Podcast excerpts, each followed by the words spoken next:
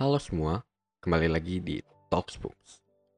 Kalian pernah gak sih ngerasa bahwa masalah yang kalian hadapin itu sebenarnya polanya sama, tapi tingkat kesulitannya aja yang beda. Gitu. Semakin sulit mungkin, atau mungkin kalian kayak, oh kayaknya gue udah pernah ngalamin ini, ini adalah uh, solusinya seperti ini dan lain-lain.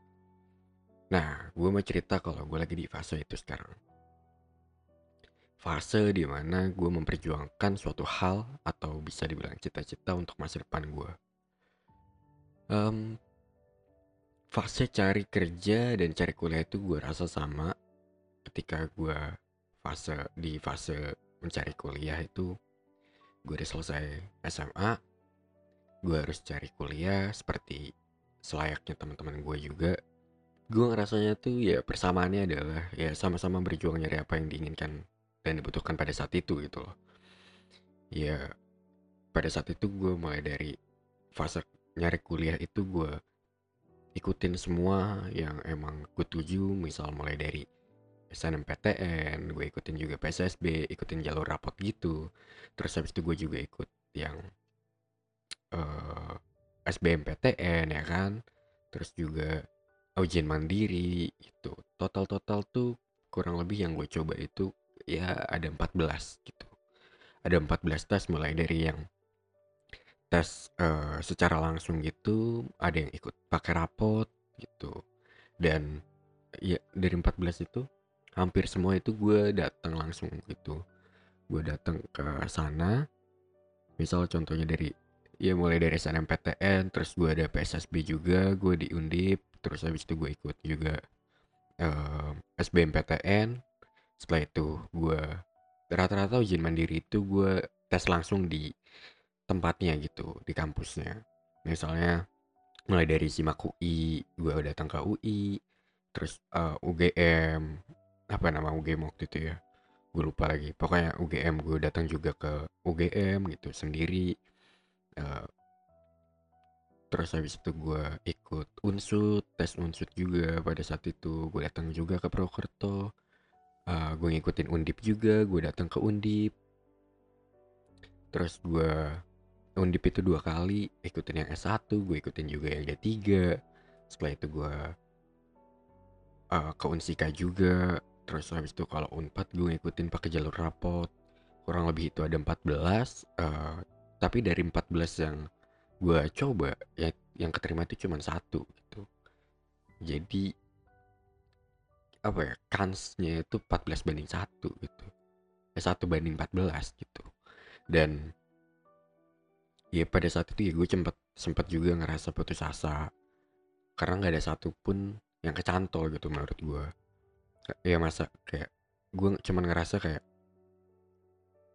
masa gue sebodoh ini gitu loh. Kok gue nggak dapat dapat kok gue nggak bisa sih gitu? Karena gue ngerasa pada saat itu gue tuh cukup berambisi gue juga cukup apa ya gue pada situ yang ngerasa pinter-pinter aja gitu. Ngerasa ya cukup lah gue nggak bego-bego amat lah gitu. Gue masih bisa bertanding dengan yang lain dan ya mungkin uh, kenyataannya uh, ada faktor hoki kah ada faktor ya pokoknya ada faktor keberuntungan ada faktor ya memang ba lebih ba apa banyak yang lebih pinter daripada gue juga gitu. Sempat juga di titik di mana gue mempertanyakan keadilan Tuhan tuh gimana sih gitu loh? Kok gue nggak pernah dapet gitu loh? Kok gue nggak seberuntung itu gitu?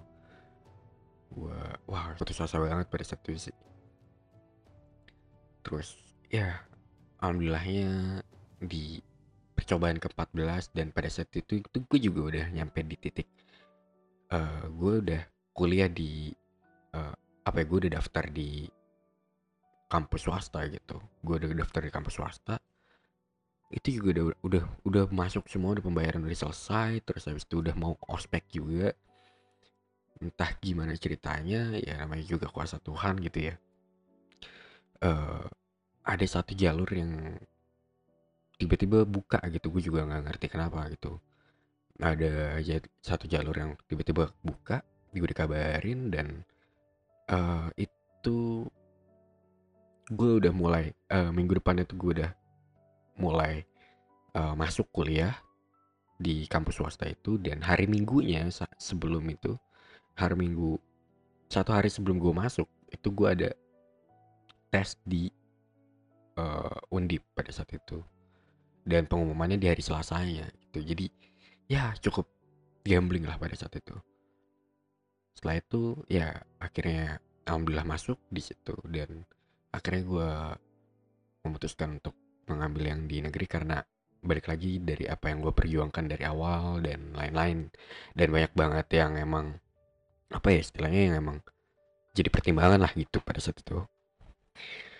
Nah pada saat gue cari kuliah itu emang gue ngerasa ya banyak lah gitu. Ya mungkin dari uh, yang denger juga punya gitu uh, teman-teman seperjuangan ya kan. Kalian pernah ngerasain yang gimana? Kayak uh, kalian belajar bareng sama teman-teman terus habis itu um, ngebahas soal itu gue suka banget pada saat itu ngebahas soal-soal SBMPTN mulai dari numerik terus habis itu ada uh, soal-soal yang bahasa Indonesia dan apalagi kalau misalnya bahasa uh, bahasannya tuh sosiologi dan lain-lain itu gue udah suka banget gitu senang banget pada saat itu.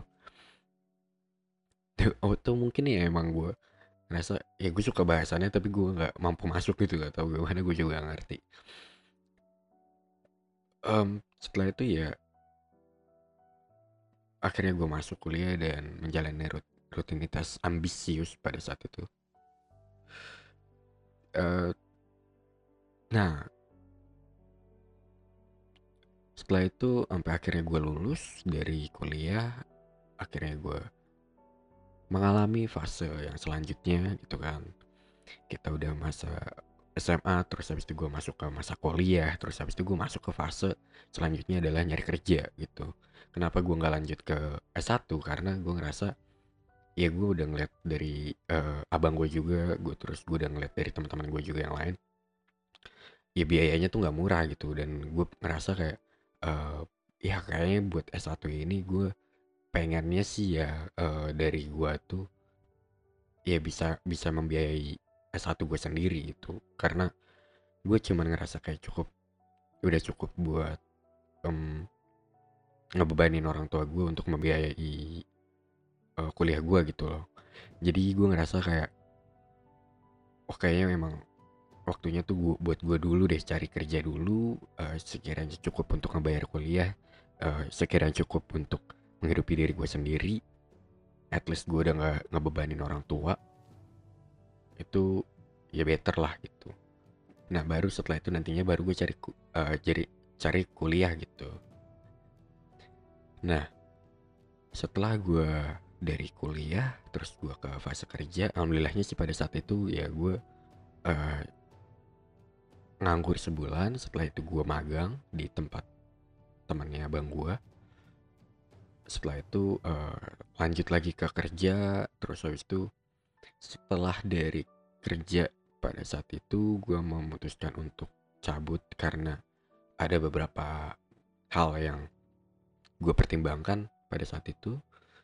Dan ya fase nyari kerja itu ya yang sekarang gue alamin yang gue rasain sekarang tuh ya sekarang tuh ini cukup perbedaannya pada saat gue kuliah uh, pada saat gue nyari kuliah ya sama nyari kerja gitu. Pada saat gue nyari kuliah itu ya gue ada temen seperjuangan gue belajar bareng-bareng nyari bareng-bareng dan segala macam gitu. Nyari tips and trik dan lain-lain. Tapi kalau misalnya pada saat gue lagi nyari kerja itu beda gitu gue ngerasanya. Karena setelah fase kuliah tuh gue ngerasa kayak ya udah mungkin memang momennya udah habis. Terus posisi juga waktu itu kan terakhir-terakhir kuliah tuh juga online. Oh setelah itu juga ya mereka udah mulai sibuk masing-masing dan lain-lain gitu. Yang gue punya gue gue juga gue circle gue juga nggak terlalu gede. Jadi ya mungkin bisa dibilang temen gue itu, itu aja. Dan untuk kerjaan kalau misalnya nyari kerja itu ya gue sendiri terus habis itu kadang ya mungkin gue minta bantuan ke abang gue juga kalau misalnya emang benar-benar gue udah mulai kesulitan gitu. Dan ya dari gue memutuskan untuk cabut dari kerja terakhir gue pada saat itu di bidang F&B uh, mungkin kurang lebih hampir lima bulan gue nganggur pada saat ini dan hampir satu tahun gue udah lulus gitu di fase ini tuh gue ngerasa kayak wah anjir ini gue sempat merasa di titik di mana ini tuh kayak fase gue pas nyari kuliah gitu. Tapi gue nggak tahu aja nanti endingnya tuh gimana gitu. Karena ya gue udah ngalamin udah gue udah ngelewatin nyari kerja itu mulai dari Desember gitu gue udah mau start cari kerja terus habis itu uh, sampai akhirnya di bulan Februari gue cabut. Dan setelah itu gue lanjut nyari nyari nyari kerja lagi. Udah gue interview sana sini walaupun interviewnya online gitu. Ya gimana ya dari setiap interview itu kan pasti ada aja lah harapan-harapan kita yang kayak um, wah kayaknya gue bisa nih di sini. Wah kayaknya bisa nih di sini. Dan ya balik lagi ketika lo uh, ketika lo ingin berekspektasi sebaiknya lo harus udah siap juga untuk menghadapi konsekuensinya gitu. Bahwa ekspekt ketika ekspektasi lo tuh patah lo harus siap terima itu gitu. Jika realita tidak sama dengan apa yang diekspektasikan gitu. Ya nggak tahu ya gue cuman ngerasa kayak ya mungkin gue emang nggak se superior itu gue gue juga mungkin salahnya tuh nggak se well prepare itu ketika gue mau cabut. Sejujurnya sih gue juga nggak tahu ya. Sekarang itu tuh gue harus apa? Gue udah lima bulan dan yang sebenarnya paling gue takutkan dari nganggur adalah otak gue tuh nggak kerja gitu. Dan karena kan lu udah terbiasa ya lu udah terbiasa dari hal-hal yang ya lu sebelumnya tuh hektik gitu lo harus ngerjain ini itu lo harus begadang buat ini lo harus ini itu. Tapi ketika lu nganggur tuh lah mulai dari lu ketika apply apply kerja terus lu nongkrong sama temen lu dan lain-lain. Ya adanya itu cuman overthinking di malam hari gitu kayak ngelihat teman-teman seperjuangan lu pada saat lu kuliah itu tuh portofolionya tuh bagus-bagus banget gitu kan. Terus teman-teman lo juga udah pada kerja. Ngeliat itu tuh ya gimana ya kayak capek juga ya sebenarnya sih ya. Tapi sekarang tuh kayak lebih kebingung sih sekarang ini. Yang sekarang gue rasain tuh benar-benar cuman bingung gue tuh harus apa? Itu aja sih. Karena kalau di fase yang gue udah apa ya kayak ngerasa iri gitu ke teman-teman sih udah nggak terlalu lah karena gue ngerasa kayak ya udah emang rezeki orang tuh beda-beda timingnya beda-beda gitu. Cuman bingung aja gitu kayak perasaan gue udah effort gitu udah effort se yang menurut gue udah maksimal pada saat ini gitu.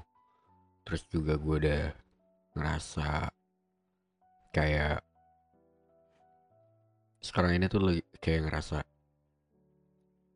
nggak tahu ya gue asli gue gue, gue juga bingung. Gue ya pokoknya intinya gue pada saat ini ya gue cuma ngerasa bingung aja di posisi nyari kerja ini gue harus gimana gue harus bersikap seperti apa.